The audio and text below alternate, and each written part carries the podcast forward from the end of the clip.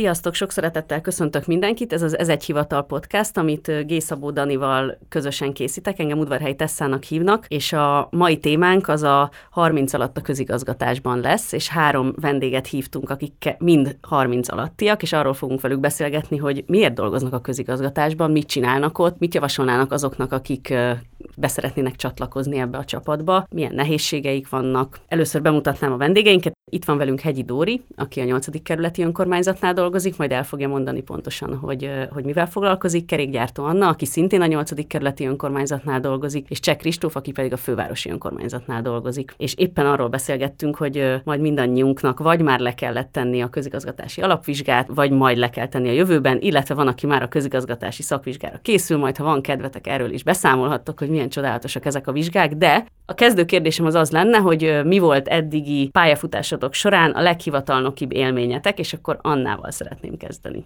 Gondolkodtam, hogy melyiket választom. A sok számomra elég bizarr élmény közül, és azt hiszem arra esett a választásom, amikor egy bizottsági ülésen nekem kellett válaszolni egy képviselő kérdésére, és azon vettem észre magam, hogy kiszalad a számon az, hogy az ügyosztályvezető asszony mit mondott már korábban, és ez valahogy annyira kevésé volt önazonos, hogy így teljesen meglepődtem, és így utólag egy kicsit így megveregettem azért a vállamat, hogy így... Mert ti a mindennapok során nem ügyosztályvezető asszonynak hívjátok a főnökötöket? Nem.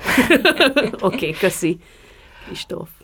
Én nem, nem igazán tudtam belőni, a, a, hogy mi itt a jó válasz. Nekem nem annyira bizarr élmény Aha. volt, mint sem egy ilyen uh, siker, vagy, vagy valami ilyesmi, a, a, ami kettő közül nem tudtam választani. A, a, az egyik, hogy amikor először írtam meg felkészítő anyagot, és az alapján döntöttünk el egy kérdést, és nyilván a kérdések kétharmadában nem volt igazam, de hogy, hogy vittem vezető elényanyagot, amire azt mondták, hogy ez így jó. A, a másik meg, ami egy kicsit inkább már az abszurd kategóriában is izgalmas, az amikor először írtam az egész hivatalnak levelet, ami a főpolgármesteri hivatalnál akkor olyan körülbelül 900 címzet volt, és akkor ennek a tudatában kellett megfogalmazni a kedves munkatársak kezdetű levelet, és az nyilván nagyon-nagyon sokáig tartott ahhoz képest, hogy mennyire kevés tartalma volt. Ez volt még egy ilyen nagyon tipikus hivatalnok pillanat. Azért, mert hogy itt arra is kell gondolni, hogy megkapja a portás is, meg a főjegyző is, és hogy hogy kell azt úgy diplomáciailag megfogalmazni, hogy mindenféle státusz, és nem tudom, mindennek megfeleljünk? Persze, igen, tehát hogy gondolom ez mindenkinél igaz, hogy a, a levelek megcímzése az egy, az egy ilyen indokolatlan sokáig tartó folyamat is tud lenni, meg a tartalma is olyan volt, hogy normatív utasításokat tettünk közzé, ami lehet, hogy most még így annyira nem jelent semmit, majd amikor beszámolok arról, hogy mivel foglalkozom, akkor megpróbálom ezt kontextusba helyezni, de hogy hogy mindenkire kötelező szabály lett kihirdetve így, és akkor annak a megfogalmazás, hogy tartalmilag mi lesz ez, az, az megizasztott először. Dóri, Nekem is van egy pár. Az első, ami, ami kiemelkedő, amikor először be kellett ülni egy képviselőtestületi ülésre, és amikor rácméltem, hogy én itt ülök azokkal az emberekkel, akiket eddig plakáton láttam. És hogyha úgy van, fel kell szólalnom. És ez egy ilyen sokkoló volt, hogy én, én itt ülök velük. Ugye ez volt az egyik. A másik az nekem is ezek a címzések, a megszólítások, nehogy véletlenül rossz helyen rossz nevet mondjak, vagy nem megfelelő titulust, úgyhogy ezekre mindig ö, oda kell figyelni. És akkor most arra kérlek titeket, hogy egy picit bővebben fejtsétek ki, hogy miért ezt a pályát választottátok, ha ez egy pálya, tehát hogy miért dolgoztok a közigazgatásban. Még egyelőre ne beszéltek arról, hogy pontosan mit csináltok, hanem hogy így személyesen és szakmailag miért van az, hogy ti a közférában dolgoztok. Ez ugye azért is fontos kérdés, mert hogy ti mind valószínűleg olyan emberek vagytok, akik bárhol máshol dolgozhatnátok a piacon, vagy civil szervezetnél, akár külföldön is, lehet, hogy sokkal több pénzért, és mégis úgy döntöttetek, hogy a magyar magyar közigazgatásnak a folyosóit fogjátok taposni. Hát nálam ez egy ilyen folyamatosan egymásra épülő dolog volt, viszonylag gyorsan kialakult az, hogy a joggal szeretnék foglalkozni, és viszonylag gyorsan kialakult egy ilyen naív képzet arról, hogy a közszolgálat meg a, az államon belüli elhelyezkedés az, az értékes, meg hogy én szeretném ezt csinálni. És akkor bekerültem az egyetemre, és nagyjából az első év vége felé már elkezdett tudományosabban is érdekelni először az alkotmányjog, aztán a második évtől a közigazgatási jog. Szóval elkezdtem ilyen tudományos oldalról is vizsgálni ugyanezt a, a kérdést, és akkor ez így egymásra halmozódott, hogy a tudományos érdeklődésből gyakorlati helyek lettek, meg kapcsolatok, a kapcsolatokból meg munkaajánlatok, és akkor így jutottunk el oda, hogy, hogy nem csak tudományos oldalról, hanem szakmai oldalról is ezzel foglalkozom. És neked ez az első közigazgatási munkahelyed a fővárosi önkormányzat? Nem, előtte az Uglói önkormányzatnál dolgoztam egy ideig, közvetlenül a diplomaszerzés után, és akkor 2020 februárjában kezdtem el a fővárosi önkormányzatnál dolgozni. Anna, egy kicsit el kell spoilereznem, hogy mivel foglalkozom. Engem a lakáspolitika, meg, meg így a lakás, lakhatás érdekelt nagyon, már egyetemen is. Én külföldön jártam egyetemre, de akkor is így uh, igazából arra kerestem ilyen eszközöket, hogy, hogy azt érthessem meg, hogy így, így mi van így Budapesten a lak, lakhatással, lakásokkal. És akkor, amikor hazajöttem két éve, akkor, akkor így nagyon szerencsés voltam, mert el tudtam helyezkedni olyan ilyen kutató, meg ilyen Józsefvárosnak a városfejlesztési cégénél, ahol így ilyen nagyobb léptékben, ilyen kicsit ilyen kutató, meg ilyen stratégiaalkotó, koncepcióalkotó módon lehetett ez fordulni, ami iszonyatosan nagy élmény volt, meg így nagyon szerencsésnek éreztem magam ebben, de hogy így azt tapasztaltam, hogy így a, a kutató cégben is, ahol dolgoztam, meg, meg a Rév 8-ban is, a Józsefvárosi Önkormányzat cégében is, így kapirgáljuk azt, hogy itt mi a helyzet ezekkel az önkormányzati lakásokkal, meg hogy így, így mi történik itt, így a magyar lakhatásban, és hogy van egy olyan abstrakciós szint, ami alá itt nem tudok menni innen kívülről, de hogy igazából, mint hogyha ott történnének a dolgok, hogy ott mennek félre, vagy nem félre, de hogy minden esetre azt kell valahogy megragadni ahhoz, hogy itt valami rendszer szintű változást tudj elérni. És akkor, amikor így lehetett, volt arra lehetőség, hogy magában az önkormányzatban lehessen ilyen pozícióban meg ezekkel dolgozni, akkor, akkor az nekem egy ilyen nagyon világos döntés volt, hogy igazából az, ami engem érdekel, amit egyrészt meg is akarok érteni, hogy itt mi van, tehát hogy ezt kívülről nem lehet megérteni, hogy ott hogyan működik egy ilyen szervezet, vagy hogyan működik egy ilyen bonyolult, összetett rendszer. Egyrészt azt, hogyha ezt meg akarom érteni, akkor muszáj oda menni közelre, másrészt meg, hogyha meg akarom változtatni, akkor meg pláne, mert az, hogy, hogy ott kívülről okoskodom, az igazából nem visz nagyon előre sehogy se, és az nem elégít ki rád hatványozottan igaz, hogy te egy nagyon híres angliai egyetemen végeztél, hogyha jól tudom, tehát te aztán tényleg mindenhol, el, mindenhova elmehettél volna dolgozni, és hogy mégis egy, egy budapesti ellenzéki önkormányzatok közül is egy szegényebb önkormányzathoz jöttél dolgozni, ahol nem olyan sok a mozgástér, hogy megbántad, vagy nem? Dehogy is. Nem? És amúgy szerintem nem igaz, hogy nem elég nagy a mozgástér. Aha. Szerintem nincs sehol máshol ekkora mozgástér, mint itt. Amúgy. Aha. Na jó, majd akkor erről, erről még mesélj. És Dóri, te miért a közigazgatásban dolgozol? Én diákként kerültem ide, és azért, mert egyáltalán nem ismertem ezt a világot, és távol állt tőlem nagyon. És jött egy lehetőség, és úgy gondoltam, hogy egyetem szünetében én elkezdek itt diákként dolgozni, és ez így ment két nyáron át. És te mit tanultál az egyetemen? Közgazdász vagyok. És utána úgy döntöttem az utolsó egy-két évben, hogy én nappali tagozat mellett, egyetem mellett elkezdek felállásban dolgozni, és mivel itt a két eltöltött diákmunkás nyaram alatt nagyon jól éreztem magam, ezért gondoltam, hogy akkor ide visszajövök. Igazából azóta is itt vagyok.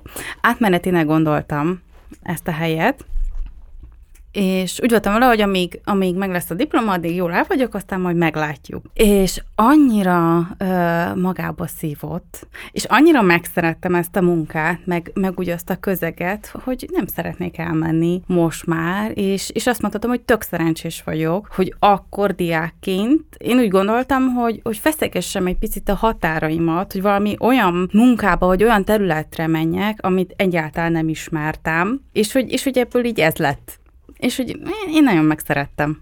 És te egyébként hol képzelted el, hogy, hogy fog, hol fogsz dolgozni? Tehát, hogy ez neked miért egy ennyire más, mint amit... Egy te, multiba. Te az gondoltam. Egy multiba fogsz dolgozni. Igen. Jó, akkor viszont kérlek, Dóri, hogy hogy akkor mes- mondd most már fed föl, hogy mit csinál. Mi az az izgalom, ami téged bent tartott a Józsefvárosi önkormányzatban, és pontosan hol dolgozol, és mit csinálsz.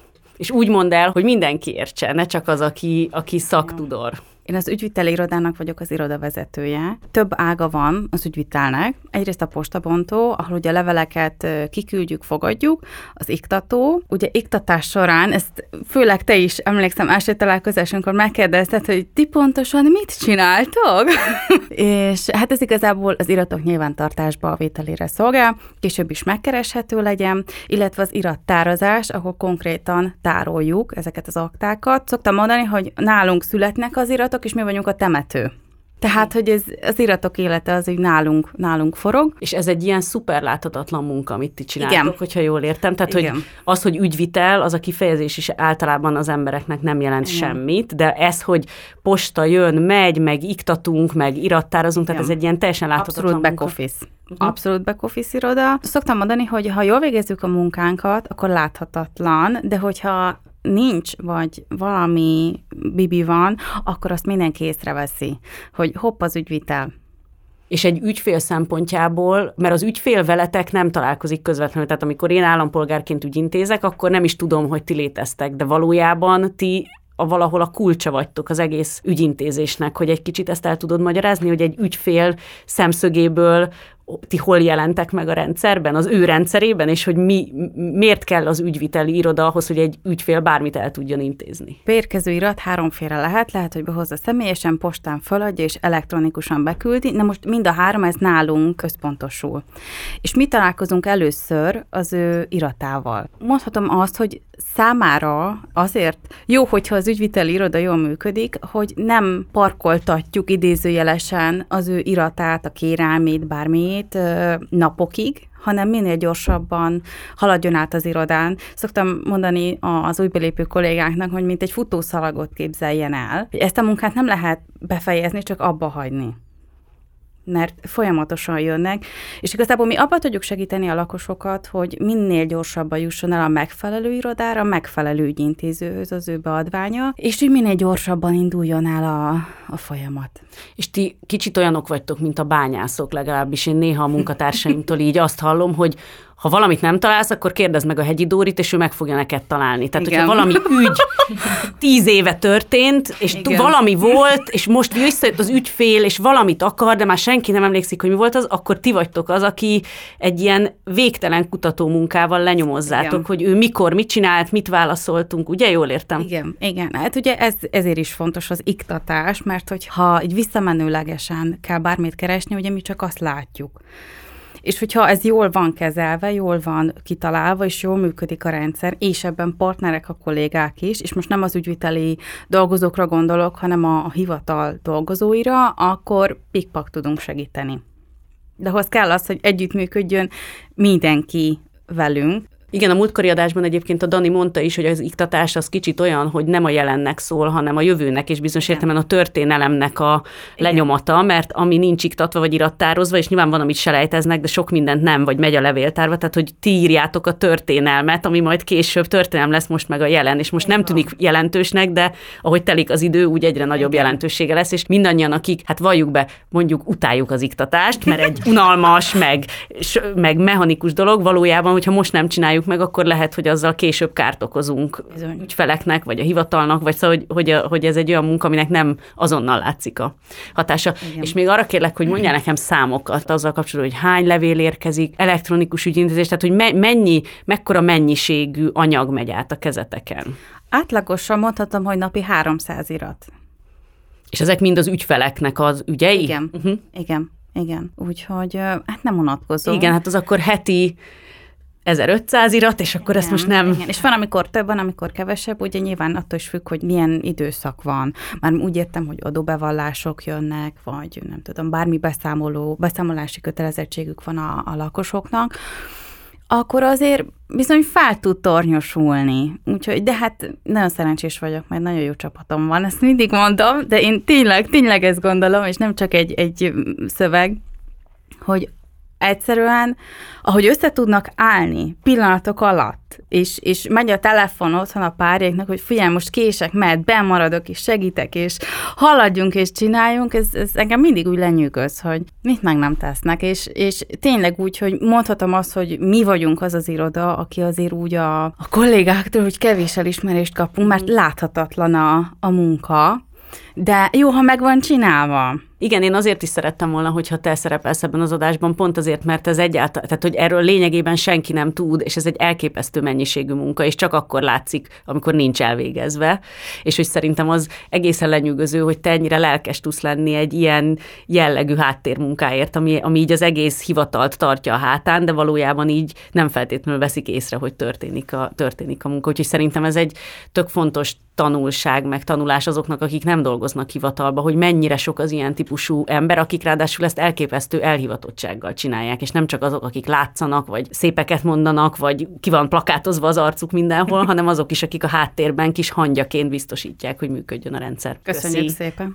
És akkor most az Annát kérem meg, hogy ö, akkor most már te elárultad, hogy a lakhatással, önkormányzati lakásokkal foglalkozol, de mit csinálsz? Tehát, hogy te pályáztatod az önkormányzati lakásokat, vagy te intézed el, hogy kifessék őket? Szóval, hogy mivel foglalkozol pontosan? Hát nem, illetve vagy nagyon áttételesen. Szóval, hogy alapvetően most mi egy megpróbálunk megvalósítani egy elég nagy kísérletet, ami az, hogy van egy nagy önkormányzati rendszer, ami a lakások, és ugye Magyarországon az önkormányzatok általában nagy lakástulajdonosok, és, és ez egy olyan rendszer, ami nagyon nem jól működik már mondjuk 30 éve, tehát, és előtte meg a tanácsi rendszerben sem működött annyira nagyon jól.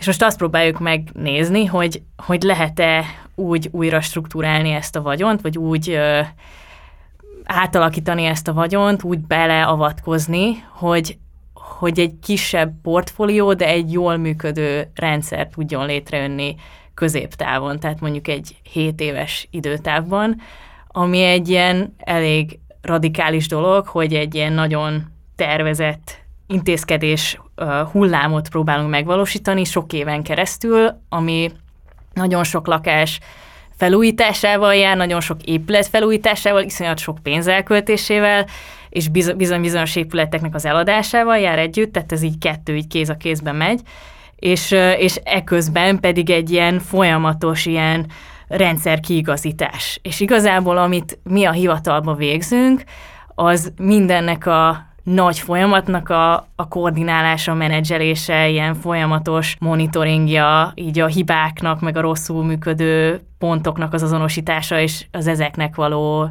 hát gyors reagálás és a kiigazítása a dolgoknak. Tehát, hogy ugye a, Magyarországon a legtöbb ilyen önkormányzat vagyonkezelőkön keresztül végzi a lakásoknak a kezelését, és hogy mi itt bejövünk, mint egy ilyen következő szereplő, aki nem konkrétan ott van, tehát nem mi kötjük a szerződést, meg nem mi útjuk fel, meg tulajdonképpen a legtöbb esetben nem mi foglalkozunk a lakokkal, meg, meg így viszonylag ritkán is találkozunk velük, bár mostanában egyre gyakrabban, de hogy, de hogy közben pedig mégis mi próbálunk meg létrehozni egy olyan ilyen központi ilyen, nem tudom, kontrollcentrumot, ahol, ahonnan ez az egész így irányítódik, és ahol, ahol legalább mi látjuk, hogy akkor merre felé kell menni, és ahol mi meg tudunk hozni ilyen döntéseket, és elő tudunk készíteni ilyen fontos stratégiai Tulajdonképpen ez a lakáspolitika csinálás, tehát hogy ezt ezt hívják. Igen, azt, csak ugye Magyarországon lakás, ez ilyen teljesen a lakáspolitikát nem, valaki igen, műveli. Mert, mert nem szokták csinálni a lakáspolitikát, uh-huh. mert nincs rá pénz, mert az egész egy nyűg, mert nagyon nehéz, és tényleg nagyon nehéz.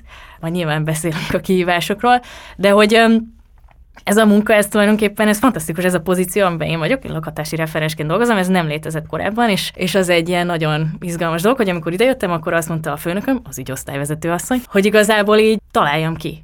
Azt csinálok, amit akarok. És hogy ez egy iszonyatosan izgalmas kihívás, hogy így végzem a, azokat a feladatokat, amik így jönnek, meg nyilván az elején így voltak ilyen alapdolgok, hogy na jó, akkor azért ezt meg ezt meg ezt kéne csinálni, de hogy közben van egy ilyen folyamatos ilyen keresése számomra, hogy, hogy még mi, mi az még, amit, amivel nekünk foglalkozni kell. És egy folyamatos újraértékelése, hogy most mi a prioritás ezek közül, mert nyilvánvalóan igazából annyi dolog van, amivel foglalkozni kéne, hogy ezzel nem lehet, nem lehet ennyi mindennel foglalkozni. Tehát, hogy egy ilyen folyamatos kiértékelése, hogy vajon jó dologgal foglalkozom, mert tehát ez iszonyatosan izgalmas, hogy, hogy nem csak megvan, hogy ez a nagy feladat, és akkor ezt kell csinálni, hanem ennek a folyamatos ilyen kisebb feladatokra való lebontása és ennek a felülvizsgálása. Úgyhogy ezért járok, nem tudom, lakógyűlést tartani, meg, meg akkor van, amikor lakbéreket, lakbérrendszert számolok, ami egy ilyen gyakorlatilag egy matematikai feladat, akkor van, amikor koncepciót írok, vagy előterjesztést írok, van, amikor emberekkel kell nagyon sokat egyeztetni, és valamikor meg nem tudom, másoknak kell a lelkét ápolni, hogy ne aggódj, minden rendben lesz. És hogyha jól értem, akkor ti csináljátok a lakáspolitikát, és tulajdonképpen a vagyonkezelő pedig ezt végrehajtja bizonyos szempontból, és ez nagyon sok együttműködést Bizony. e, nagyon sok együttműködésre van szükség, és neked ez az első munkahelyed, vagy így az első ilyen hely, ahol ilyen mondjuk másoknak a munkáját befolyásolod, vagy irányítod, vagy szóval, hogy ez milyen tapasztalat, hogy mondjuk egy óriási vagyonkezelő cégnek a munkáját, hát nyilván nem te vagy a vezetője annak a cégnek, de hogy így a szakpolitika részét azért mégiscsak te határozod meg részben az irányát. Az, hogy én úgymond csinálom a szakpolitikát, ez ilyen nevetségesen hangzik számomra, mert hogy én úgy jöttem ide, hogy oké, okay, én tanultam nagyon sokat, én szociológus vagyok amúgy, ezt tanultam, de hogy, hogy ezek az emberek azok, akik ott vannak, és, és csinálják ezt állandóan, és az ő fejükben ott van iszonyat sok minden, amit, amit nekem meg kell értenem ahhoz, hogy itt értelmes dolgokat tudjak csinálni, és hogy az volt nekem ebben a legizgalmasabb, hogy itt vannak ezek az emberek, amik, akik nagyon különbözőek, mint én, nagyon máshogy beszélnek, másmilyen a hátterük, máshogy állnak hozzá a dolgokhoz, de hogyha én figyelemmel fordulok feléjük, akkor iszonyat sokat tudnak nekem adni, meg segíteni, és hogy szerintem ez az egész ilyen elmúlt fél éves közös dolgozás, az,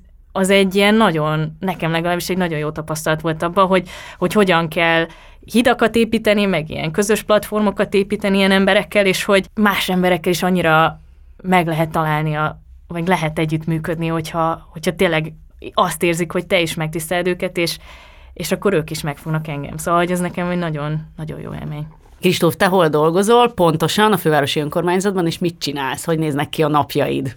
Az enyém egy kicsit máshogy lesz uh, háttérmunka. Uh, én a uh, főpolgármesteri hivatalon belül a főjegyzői irodán dolgozom, ami a főjegyzőnek, aki a szervezet szakmai vezetője, uh, az ő közvetlen munkaszerve. Hát, hogy a, a mi munkánk a főjegyző közvetlen keze alá dolgozás, azokat a feladatokat látjuk el, ahol az ő közvetlen döntéseit kell előkészíteni. Ezen belül én szabályzási referensként tevékenykedem, majd biztosan szóba fog kerülni, hogy a közigazgatás alapvetően szabályzatok alapján működik, meg ilyen normatív előírásoknak megfelelően. Az én munkám az, hogy ezeket írjam. Tehát, hogy én készítem el, és elsődlegesen a munkám a, a hivatal belső működésének a szabályozása. Hát, hogy mi felelünk néhány kollégámmal azért, hogy, hogy a hivatal szervezetén belüli rendszerek ki legyenek alakítva, hogy a működés szabályai rögzítve legyenek, hogy meglegyen, hogy ki miért felel, és hogy azt hogyan és mikorra kell végrehajtania. Nyilván abból adódóan, hogy ez a főjegyző munkaszerve van, egy csomó más ehhez hozzá kapcsolódó feladatom, ami nem a, az általános munkakör. Ezek tudnak izgalmasabbak lenni, mármint hogy külsőre izgalmasabbnak tűnőek lenni, eh, mint ez. Mondjuk a, a választási feladatokban viszonylag aktívan részt vettem, az ugrói önkormányzatnál is, és a fővárosi önkormányzatnál is, mint eh, jegyzőkönyvezető, meg mint a választási irodatagja meg a tudományos érdeklődés miatt, hogyha olyan jellegű feladat kerül a, a, a hivatal elé, amiben kell alkotmányjogi vagy közigazgatásjogi tudományos álláspontot kialakítani, akkor azoknak a, a megírásában benne szoktam lenni valamennyire, meg néha a külső, mármint az önkormányzati rendeletek előkészítésében is valamennyire részt szoktunk venni. És azt hiszem, még az volt a kérdés, hogy hogyan néz ki egy nap. Uh-huh. Hogy mit csinálsz konkrétan? Uh, meg majd azért azt is megkérdezem, hogy az ember azt gondolná, hogy a, hogy a hivatalokra az embernek az a kép, hogy nem változnak, mindig ugyanolyanok. Na most akkor hogy lehet ilyen hogy lehet ilyen hosszú ideig belső szabályozásokat írni? Az ember azt gondolja, hogy egyszer megírtunk egy belső szabályozást, akkor úgy működünk a világ végezetéig, és aztán majd ezer év múlva esetleg újraírjuk, de... Igen, az ember azt gondolná, de hogy valójában annak ellenére, hogy a, a külső látszatra ezek általában nem, nem dinamikusan változó és megújuló rendszerek, azért a belső működés finom hangolása, főleg akkor, hogyha volt egy nagyobb átalakulás, és ez jellemző a fővárosi önkormányzatra is. Szóval, hogyha ha, ha vannak újító szándékok, meg új folyamatok, vagy megváltoztatott folyamatok, akkor ezeknek a szabályozásának a beállítása az egy folyamatos jelenlétet igénylő munka. Tehát, hogy, hogy a legtöbb napom általában úgy néz ki, hogy a héten vagy a, aznap reggel leegyeztetett bizonyos témakörökkel foglalkozva utasítás szövegeket írok meg, vagy az utasítások értelmezésében segítek a, a munkatársaknak, tehát hogy kitaláljuk azt, hogy a, az ő javaslatuk a mostani szöveghez képest mennyiben más, mit kell ahhoz tennünk, hogy jogilag megfelelően elérjük azt, amit ők valamilyen feladat végrehajtásában szeretnének, például mondjuk a, az iratkezelési szabályzaton, ami már szóba került. Hát az, hogy... a, az a Dórinak ilyen ott van az asztalán, mint a Szent Biblia. Én amikor bemegyek hozzá, akkor mindig azt csapjuk föl, hogy azért mégiscsak meg kell nézni, hogy az iratkezelési szabályzat szerint hogy kell eljárni. És tulajdonképpen nálunk is ott van folyamatosan az asztalon, hiszen ez egy viszonylag nagy és viszonylag fontos szabályzat a legtöbb hivatal uh, uh, működésében. uh, szóval, hogyha felmerül valamilyen olyan igény, hogy máshogy kellene mondjuk az iktatási folyamatokat a hivatalon belül rendezni, akkor ott jövünk egy ponton mi a képbe, hogy megérkezik a hát a Doriek nálunk lévő öm, ikertestvére. ikertestvére, köszönöm, ikertestvéreitől az igény, hogy módosítsunk a szabályzaton, és mi kitaláljuk, hogy a jogi kötöttségeknek megfelelően ezt hogyan lehet elérni. Ez tényleg ilyen megrendelő dolog, hogy én, én oda megyek, én például most mondok egy példát a saját életemből, nekünk, nekünk is van részvételi költségvetésünk a Józsefvárosban, ugye a fővárosban is van, és akkor Anna, ahhoz tartozik egy eljárásrend, és akkor én megkeresem mondjuk nálunk a jogi irodát, hogy akkor én körülbelül így képzelem, most akkor ezt írjátok át jogi nyelvre, de valójában, tehát hogy mi határozzuk meg a szakmai tartalmát, ők ezt olyan formába öntik, ami megfelel a, a hivatal működésének is, meg a jogszabályoknak is, hogy tulajdonképpen ti is ezt csináljátok, hogy bárki most idézőjelben oda mehet és kérheti, hogy valaminek írjátok meg a szabályozását? Abszolút. Nyilván ennek megvan a hivatalon belüli rendje, hogy nem bárki, hanem mondjuk az egyes szervezeti egységek vezetői, mm-hmm. vagy bizonyos értelemben bárki. Lehet ez alulról jövő kezdeményezés, tehát akik végrehajtják az utasításokat, tőlük érkezik a, az igény, hogy ez így nem jó, nem tudjuk így megcsinálni, vagy nem hatékony így, vagy nem felel meg mondjuk egy valamilyen megváltozott jogszabálynak, vagy, vagy akár vezetői utasításnak a, a szabályozás már, és hogy alakítsunk rajta. Meg nyilván jöhet ez felülről is, tehát lehet ez szakmai, vagy akár politikai vezetői Kérdés is az, hogy mondjuk legyen közösségi költségvetés, annak az előkészítéséhez meg kell alkotni a belső szabályokat, hogy a, a hivatalon belüli szereplők hogyan vesznek részt ebben, kinek mi a feladata, mikorra hajtja azt végre, hogyan kommunikálnak er, erről egymással, és akkor nyilván egy politikai igénynek kell megfelelnünk, ami a munka jelentős része, hogy ezeket az igényeket, tehát a végrehajtó és a, a döntéshozó igényeit össze kell egyeztetni, meg nyilván össze kell ezeket olvasni az önkormányzat működésére vonatkozó jogszabályokkal is, hiszen a legtöbb esetben külső kötöttségek is uh, igazak ezekre a folyamatokra, vannak olyan törvények, kormányrendeletek, egyebek, amikben uh, rögzítve van számunkra, hogy mi a, a mozgástér nagyjából, és annak a kitöltésére jövünk mi, hogy kitaláljuk, hogy hogyan feleljen meg ezeknek az igényeknek mind a, a, a belső szabályozás. És te többet dolgozol emberekkel, vagy dokumentumokkal? Azt mondanám, hogy is is. Nyilván a munka alapja dokumentumokkal való foglalkozás. A bemenet is általában egy dokumentum, mármint hogy valaki megír valamit, hogy ez miért nem jó így, kiad egy feladatot, vagy kér egy módosítást, és a vége szinte minden esetben egy dokumentum az, hogy megírtuk az új utasítást, vagy módosítottuk a korábbi utasítást, de hogy a köztes rész az viszont nagyon gyakran emberekkel való foglalkozás. Lehet, hogy, hogy közvetve, mármint hogy rengeteget e-mailezünk, és akkor jönnek a korrektúrával ellátott dokumentumok, és a korrektúra korrektúrájának a korrektúrájával lévő nyolcszínű szöveget kell valahogyan összefésülni. Meg nyilván nagyon sokszor személyesen egyeztetünk, tehát hogy, hogy a két végpont közötti munkának egy jelentős része az valójában beszélgetés, a, annak a kialakítása, hogy mi jól értjük-e, ő, ők jól értik-e, ugyanazt értjük-e, és hogy ez hogyan néz ki a jognyelvén. És ezt a Dóri tőled is kérdezném, mint a másik ilyen klasszikus háttérmunkás, hogy ne, ti is nagyon sokat dokumentumokkal, megiratokkal dolgoztok, de azért emberekkel is, nem? Tehát nektek is ez van, hogy valójában iszonyú sokat kell beszélgetni, meg egyeztetni. Igen. Igen, igen. Sokat, és hál' Istennek, én, én ennek örülök, hogy jönnek segítséget kérni, hogy elakadtak, és ezt neked is mondtam rögtön az elején, hogyha bármi van, gyere nyugodtan, megbeszéljük, nincs hülye kérdés, nincs rossz kérdés, az mert tök jó, hogyha egyáltalán van kérdésed, mert akkor már valami elindult. Úgyhogy, úgyhogy igen, nálunk is egyébként hasonló a szituáció.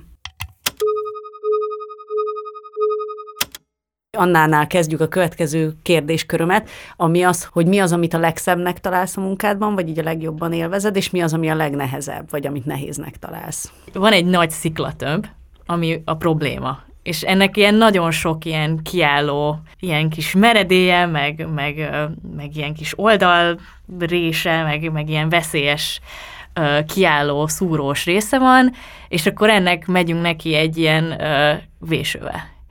És és szerintem itt nagyon elhivatott emberek vannak, és ez nagyon, az nagyon jó velük dolgozni, de néha az az érzésem, hogy a, az eszközeink a probléma nagyságához képest azok elenyészőek, és ezzel nagyon nehéz szembesülni, és hogy nekem az a szépsége, hogy mégiscsak megyünk a vésővel, és igenis le lehet róla pattintgatni egy csomó mindent, de hogy kell azért küzdeni azzal az érzéssel, hogy így nem tudom, hogy ezzel mennyire tudunk előre jutni, vagy hogy így annyira csekének látom a, néha az eszközeinket a, ahhoz képest, hogy mennyire nagy szükségben van nagyon sok ember, és hogy ezzel mennyire közvetlenül tudok találkozni, és hogy közben meg így iszonyat fontos az, hogy ezzel közvetlenül találkozok, csak hogy azt meg mégis néha olyan nehéz megemészteni, hogy elmegyek egy önkormányzati épületbe, és ott és ott nekem iszonyat fontos az, hogy nem tudom, szociális lakhatást biztosítunk, és így ott vagyunk egy ilyen házba, és hogy így, és hogy így itt nem kéne, hogy emberek lakjanak, és hogy nyilván ez most nem az én felelősségem így egy az egybe, de hogy mégis az én felelősségem is. Hogy hogyha valaki azt mondja, hogy ő azt más lett attól, hogy egy vizes lakásba költöztettük, hogy így muszáj valahogy így aludnom éjszaka, de hogy közben meg így, ez micsoda dolog, hogy, hogy én tudok aludni éjszaka, vagy hogy szóval van ebben egy ilyen nagyon mm. Nagy ellentmondás számomra. De hogy közben ez a szépsége, hogy hát mi másért lenne értelme dolgozni, mint ezért, vagy hogy ezért nem bánom meg, vagy ezért, ezért vagyok itt még mindig, mm. meg szeretnék is, ameddig lehet. És tudsz konkrét példát mondani, amikor úgy érezted, hogy így, tehát hogy sikerélmény, vagy úgy érezted, hogy így ezért éri meg, és mondjuk konkrét elakadást, amikor azt érezted, hogy na mindenki menjen a fenébe. tehát, hogy így na nem áll. Hát nekem, tehát, hogy nekem sokszor van sikerélményem, mert, mert azt érzem, hogy a közvetlen kollégáimmal így, így haladunk előre. Lehet, hogy lehetne sokkal gyorsabban is, de hogy így így jön egy ilyen probléma, és akkor pám. Van egy olyan érzésem, hogy ahogy így jönnek előre a, az ilyen különböző problémakörök, amivel így eddig nem foglalkozott senki, vagy tíz éve nem foglalkozott vele senki, vagy, vagy nagyon sok, vagy soha nem foglalkozott még vele senki, azt most így, így felvesszük, és így dolgozunk rajta. Uh-huh. Tehát azt még így nem tudom mondani egy ilyen hogy megoldottuk. nagy dologra, hogy kész, ez már megvan oldva, de hogy így, hogy az így ott van most már, és hogy akkor ezen így ott van a lista, hogy oké, okay, és akkor erre is fogunk kitalálni valami megoldást, hogy akkor le fogunk ülni, és akkor és lesz valami, és közösen előre fogunk lépni, és ezt végre fogjuk hajtani, és ebbe így, ebbe így lehet hinni, hogy hm. így. És elakadás vagy nehézség, ami mondjuk így jól illusztrálja, hogy, hogy miért nehéz, vagy mi a nehéz? Az, hogy nagyon kevés az ember. Uh-huh. Az az érzés, hogy itt van ez az iszonyat sok feladat, és itt van ez a kevés ember, aki szerintem nagyon elhivatott, de hogy így mindenki, vagy nagyon sokan vannak a kiégés szélén, és ennyi, ennyi feladatot nem lehet ennyi emberrel megcsinálni, és ez a, ez az iszonyatosan frusztráló élmény, hogy így mindannyian látjuk, hogy így ezt szeretnénk csinálni, és ilyen tempóban szeretnénk csinálni, de nem tudjuk, mert három ember végzi most egy, egy olyan munkát, amit hatnak kéne. Uh-huh. És, hogy, és hogy én is, hogy saját magamon is érzem, hogy igen, azt hittem, hogy ezen a héten még ezt el fogom tudni kezdeni, vagy ezt meg fogom tudni csinálni, és így nem tudom megcsinálni, és hogy így, hogy ezzel most nem fog tudni foglalkozni, hogy egyszerűen nincs rá kapacitásom, és az, az nagyon nehéz. Tehát, hogy így azt, az lenne jó, hogyha, hogyha még itt lenne még ugyanennyi ember, mint aki most itt van, aki ezt csinálna. Tóri, neked mi az, ami kifejezetten szép, vagy sikerélmény a munkádban, és mi az, ami elakadás, vagy nehézség? Ami szép vagy sikerélmény, olyan számomra nagyon sok van. És szoktam mondani, hogy minden napban megtalálom a szépséget, hogy amiért érdemes volt fölkelni, bejönni, kettő dolgot emelnék ki. Az egyik az egy személyes, az iratkezelési szabályzat, ha már itt járunk. Tehát előttem 14 évig nem nyúlt hozzá senki. Hoppá, ezt nem tudtam. Ez egy borzasztóan elavult mit, volt. Mi, Kristóf mit kommentált? Csak azt suttogtam, hogy az elég kemény. 14 éve módosítatlan iratkezelési szabályzat. És hát én voltam az, aki, aki felfrissítette, az új iratkezelési ö, szoftvereire lett szabva az egész, és jóval hosszabb is lett. Hány oldal? Hát 140 körül mindennel együtt. Aha. Főváros? Hát nem tudom megmondani, de nagyságrendileg a miénk is ilyen 120 körül talán.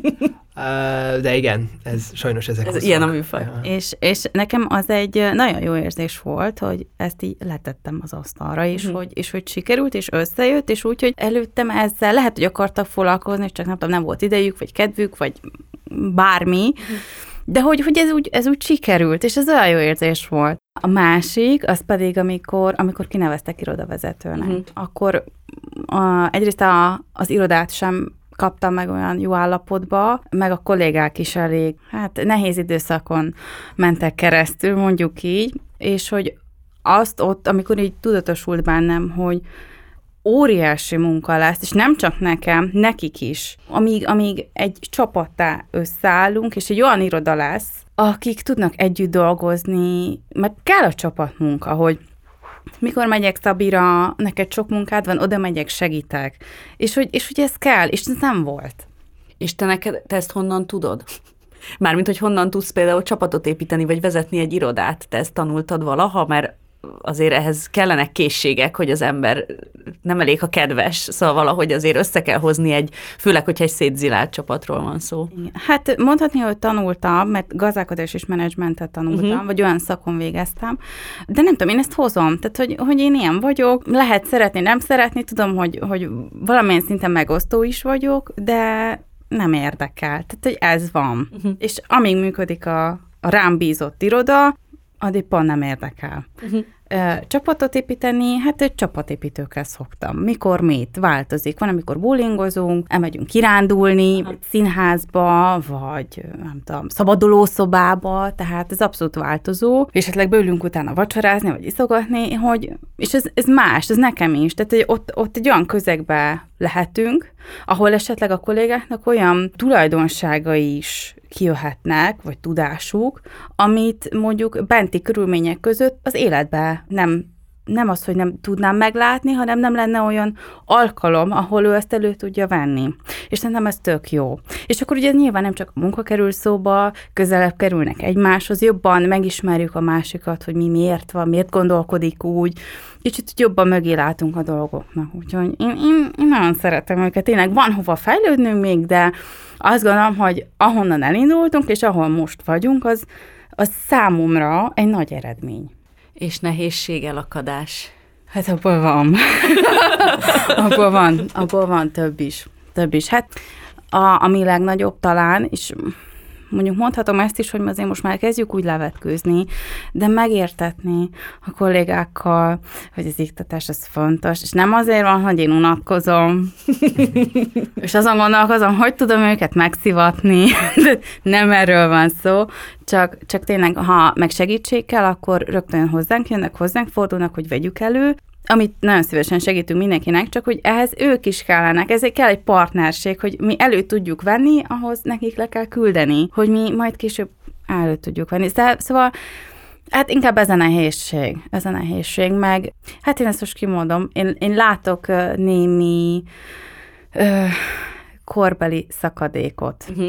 és tényleg tisztelt a kivételnek, tehát ezt nem általánosan mondom, de például az újdonságokhoz, szoftver frissítésekhez sokkal könnyebben ö, ö, veszik az akadályokat, és, és reagálnak rá, aki, aki ehhez a világhoz egy picit közelebb áll, és nem ez a tipikus vaskalapos, mert így volt 40 évvel ezelőtt, és tehát, hogy nem, nem. És, és ezzel egy picit nehéz úgy megértetni magad, hogy értelek, hogy így volt 40 éve, de most már nem úgy van. Uh-huh. Hát ott, ott érzek akadályokat, de tisztelettel leüljük, és végtelen nyugalommal azért sikerül átvinni a dolgokat, meg hát most ez egy olyan dolog, hogy ez van, van egy iratkezelési szabályzatunk, ami kimondja, és úgy kell lennie. Egyébként az érdekes, hogy, hogy azt mondod, hogy nehéz rávenni a munkatársakat az iktatásra, majd megkérdezzük, hogy ez a fővárosnál is így van-e, mert ugye az ember kívülről ügyfélként azt gondolja, hogy hát a hivatalnokok iktatással kelnek és fekszenek, és ez, a, ez folyik az ereikben, és ez az értelme, mert hogy a hivatal az olyan, hogy ott, ott semmi más nem történik, csak iratok ide-oda tologatása, és akkor ehhez képest azért ne, nincs, tehát hogy hogy mondjam, azért ez, ez sem mindenkinek a világ legtermészetesebb tevékenysége, igen. hogy ezt csinálja. Igen, igen, és, és inkább tényleg abban érzem a, a nehézséget, hogy behozunk egy újítást, akkor rögtön, jaj, minek? Meg jaj, mit találtam már ki megint? Holott ezután, ha eltelik egy kis idő, akkor rájönnek, hogy egyébként ez valahol egy könnyítés lesz. Tehát ugyanez volt, amikor behoztuk, hogy szkenneljük az iratokat. Minek? Oh, minek? Minek? És most azt mondják, hogy Fú, de na. Nézzek itt a kolléganőre. Anna, te is azt gondoltad, hogy minek szkennelni? Igen. Ezért na most megértjük, most megértjük, hogy minek szkennelni. És, és tök jó, hogy, hogy úgy is látja, hogy mi van abban az aktában, hogy nem kell nekünk előszedni, vagy nem kell felkérnie, nem kell várnia, hanem csak bepötyögi az iktatószámát, és, és ott van. Sokkal könnyebb szerintem, és a munkát is gyorsítja. És szerintem ez tök jó. Kristóf, mi a szép örömteli sikerélmény a munkádban, és mi az, ami nálad nehézség és elakadás, bár gondolom nálatok minden tökéletes a fővárosi önkormányzatnál, de hát azért talán biztos találunk egy-két nehéz pontot. Jó, nyilván minden tökéletes, de uh, talán azt mondanám, hogy a, a, a szép a munkában egy jól megírt utasítás. Uh, ami, Csodálatos! Uh, nyilván így nem jelent semmit, de hogy, hogy, hogy ezek a hivatalok, a milyen kis és valószínűleg a tiétek is sok kis apró részből állnak össze, kis szervezeti egységekből, amik a maguk folyamatait csinálják, és néha ezek a folyamatok sincsenek igazán összekapcsolódva, vagy nem, nem ö, ö, egységben mozognak, és ö, szerintem az a szép a munkámban, hogy, hogy részben az a feladatom, meg az az egyik lényegi eleme, hogy, hogy ez egy jól megkoreografált rendszerben működjön. Hogy gördülékeny legyen, hogy, hogy tényleg az történjen, amit szeretnénk, hogy történjen, és nem csak mi bent, hanem az emberek kint. Tehát, hogy, hogy úgy hajtsuk végre a, a közügyek körében keletkező feladatainkat, hogy, hogy, hogy tényleg hatékony legyen, meg jogszerű, meg gyors, meg meg tudjuk oldani az emberek problémáit. És az én részem ebben a folyamatban az, hogy, hogy leképezzem a folyamatainkat, és azok úgy legyenek leírva, hogy végrehajtatóak legyenek. És ezért gondolom azt, hogy hogyha ha sikerül jól megírnunk egy utasítást, és utána azt látom, hogy az szerint járnak el, és ez tényleg jó, Hát, hogy nem kell hozzányúlni egy darabig. Nyilván mindig, 14 évig. 14 évig. Ugye, nyilván mindig hozzá kell nyúlni, tehát hogy nincs olyan, ami, ami az idők végezetéig változatlanul uh, működni tud, de hogyha ha van valami, amire úgy rátalálunk, hogy eltaláljuk a vezetőigényt, a végrehajtók igényét, a jogszabályokhoz is illeszkedik, és uh, nincs rá panasz, az, az ilyen jó érzéssel tölti el az embert. És talán ehhez kapcsolódna a negatívum is, hogy, eh, hogy amikor már felpörög a gépezet, és eh, mindenki beledobja a sajátját, és eh, leegyeztettük meg, megírtuk meg, előkészítettük meg, elkezdtük aláíratni, és valahol van egy pont a rendszerben, legyen az egy külső változás, megváltozik egy jogszabály, vagy legyen egy megváltozott vezetői döntés, vagy, vagy kiderül egy olyan szempont valakitől a, a gépezetben lejjebb, ami eddig nem került szóba, és megakad. Uh, és megáll a gép, bekerül valami a fogaskerekek közé, és már ott voltunk, beletettük az energiát, elő van készítve, és valamiért meg kell állni. Az, az rossz. Tehát, hogy ez nyilván nem, nem egy átidalhatatlan dolog, mindenre van megoldás, mindig megtaláljuk egy idő után a megoldást, de hogy ez egy, egy rossz élmény, amikor, amikor sok-sok embernek a munkája, és egy közösen kialkodott kompromisszum áll meg valami miatt, és nem nem történik meg az, hogy, hogy meglátja, megláthatjuk a jól megírt utasítást a, a fővárosi közönyben. Meg talán még amit kiemelnék, amit Anna is mondott, hogy, hogy, hogy az erőforrás hiány, amikor tényleg azzal szembesül az ember, hogy, hogy tudjuk, hogy mi a feladat, meg akarjuk csinálni a feladatot, és nem érünk a végére a feladatnak. Mert hogy, hogy a miénk nyilván lényegesen horizontálisabb, tehát hogy mi nem annyira mélyedünk el egy konkrét uh, témakörben, mi nem egy darab területtel foglalkozunk, hanem egy kicsit minden, mindenhez, amit a hivatal Mindenhez csinál. kicsit értetek, vagy mindenhez, mindent érteni kell legalábbis, hogy mi történik és miért. Igen, és ráadásul egyfelől meg kell érteni, hogy mi és miért történik, másfelől meg valamennyire át kell látnunk a jogi szabályozást, hiszen az is a feladatunk, hogy jogszerűek legyenek ezek a, az utasítások, tehát hogy a legkülönfélébb területekbe kell egy kicsit belelátni, és elfogynak a munkaórák, meg nincs annyi ügyintéző, aki, aki mindenbe tényleg kellő mélységben, meg igényességgel tud dolgozni, mert egyszerűen nem haladunk akkor, hogyha ha nagyon be akarnak ezek a dolgok. Igen, ez egyébként ez ugye egy érdekes ellentmondás, hogy a hivataloknak van egy ilyen jellegzetességük, hogy nőnek, ugye, hogy egyre többen dolgoznak, de mégis mindig az az embernek az érzése, hogy nincs elég, nincs elég ember, és akkor erre majd, hát mi ebben a műsorban már szerepeltettünk ezzel kapcsolatban ilyen irodalmi műveket, ahol szatirikusan megközelítik azt, hogy hogyan nőnek ezek a hivatalok, és minél inkább szétdarabolják őket, annál több darabban, és egyre inkább nőnek tovább. Szóval ez egy érdekes kérdés egyébként, hogy hogy lehet azt elérni, hogy mi ne érezzük úgy, hogy sosincs elég ember, viszont ne növesszük óriásira a közférát, ami ugye nem biztos, hogy, hogy feltétlenül hatékony. Szóval ez egy érdekes. Nekem is az a tapasztalatom, mintha nem lenne elég ember. Miközben folyamatosan nő a státuszoknak a száma.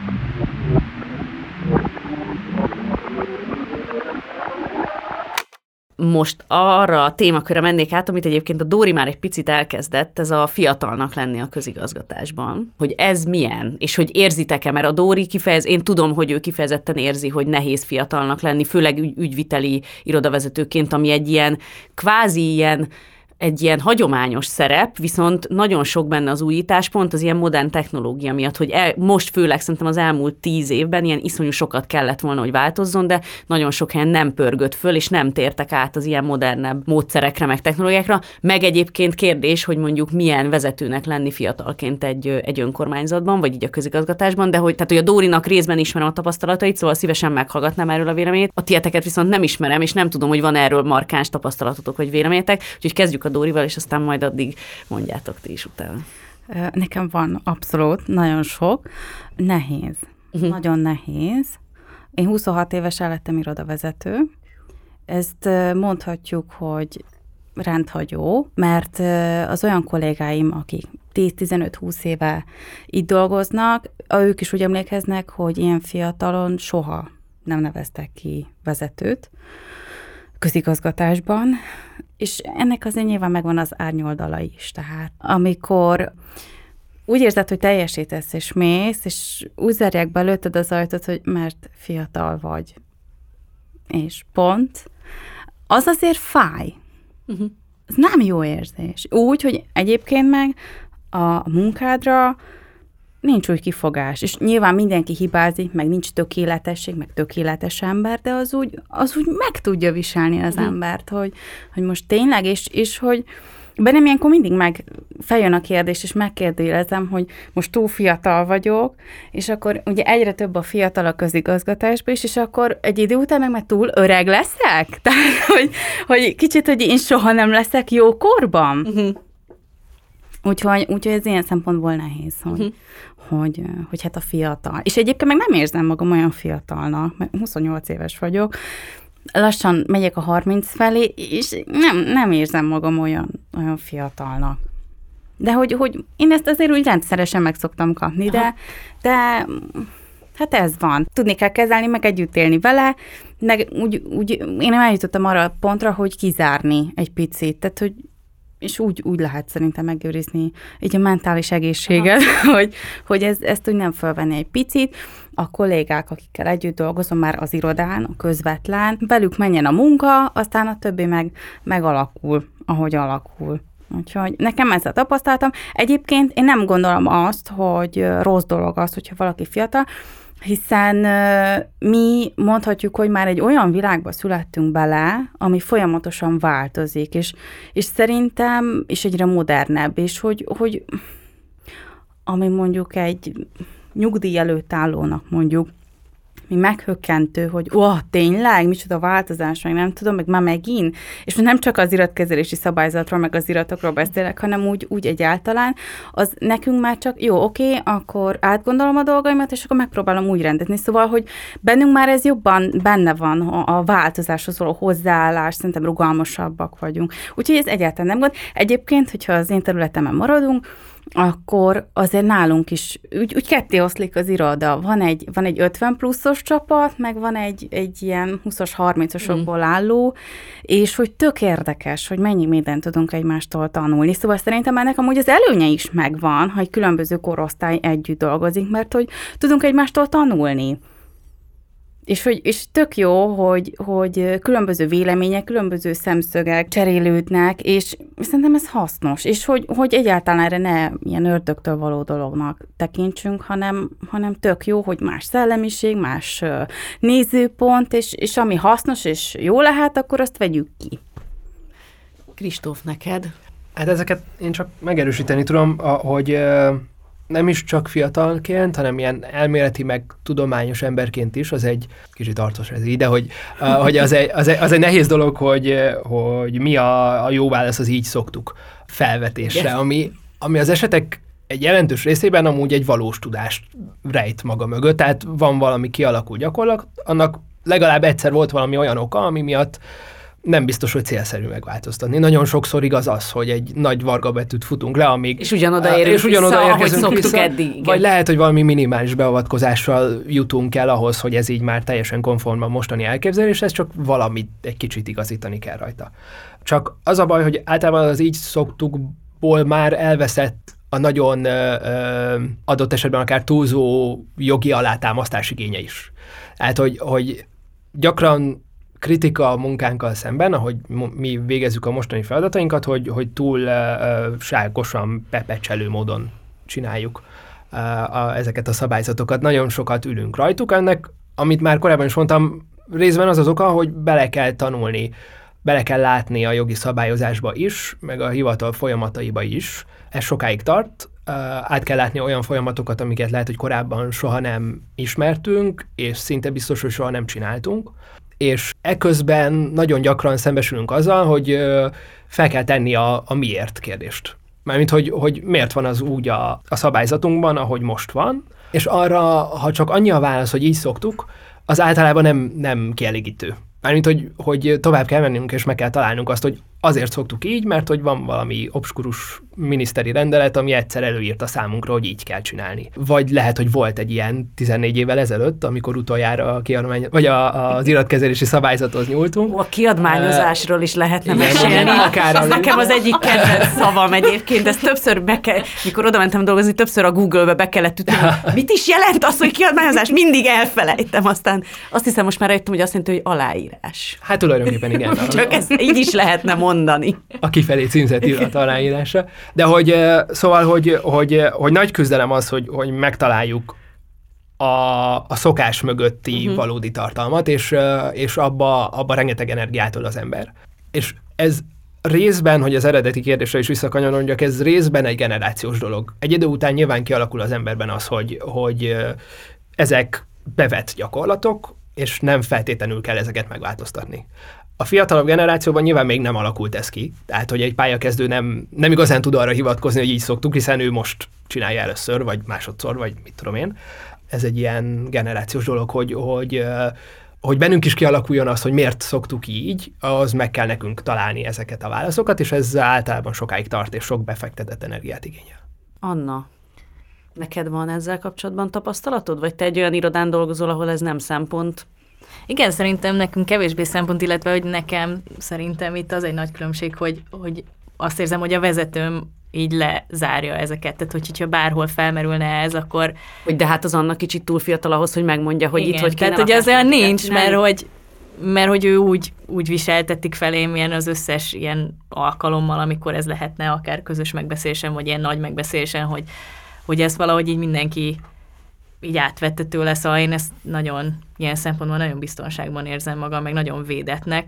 Igazából azon kezdtem el gondolkodni, hogy, hogy nem is az, hogy, hogy így másoktól szembesülök azzal, hogy fiatal vagyok, hanem inkább én mondjuk, én inkább azt érzem a Dórival szemben, hogy én viszont nagyon érzem, hogy fiatal vagyok, illetve azt érzem specifikusan, hogy kevés így a munkatapasztalatom, és ez egy nagyon érdekes dolog, hogy, hogy ahogy itt dolgozom a hivatalban, és akkor előtte nem hivatalban dolgoztam, hanem dolgoztam egy, egy ilyen kutatócégnél, meg dolgoztam a, a, az önkormányzat egyik cégénél, de hogy az egy kicsit másmilyen kultúra, és hogy, és hogy abba kell, így még mindig abba tanulok bele, hogy milyen a munka, az mit jelent, hogy dolgozás, mit jelent az, hogy, hogy, hogy az ember akkor felnőtt, és hogy, és hogy azt érzem, hogy azért még nekem még mindig egy csomó dolgot kell ilyen nagyon alapszinten is tanulnom, és hogy ebben amúgy a hivatal az egy nagyon érdekes meg tulajdonképpen furcsán talán hasznos terep is. És egy kicsit így, uh, így nem tudom eldönteni, hogy ez, ezt most így megbánom ezt a kijelentést később. Mármint, hogy azért, mert hogy egyrészt kocka, tehát hogy így ránevel a munkára, de közben meg kicsit túl kocka, nem? Hát, hogy egyrészt, hogy így, hogy így itt tényleg vannak ilyen szabályok és hierarchiák, és az ad egy, egy ilyen furcsa védettséget, hogy én tudom, hogy nekem meddig terjed a felelősségem, uh-huh. és akkor utána én tudom, hogy ezt a döntést még én meghozhatom, de ezt már nem. Uh-huh. És ez egy ilyen tök megnyugtató dolog, és közben meg közben meg nyilván azt is látom, hogy, hogy ennek itt mik az ilyen veszélyei, vagy itt, itt milyen ilyen hátulütők vannak ebben a nagyon erős hierarchiában, de hogy közben én mégis nagyon szerencsésnek érzem magam, hogy ezt valahogy egy ilyen védett pozícióból tudom így megtanulni, vagy kifigyelni.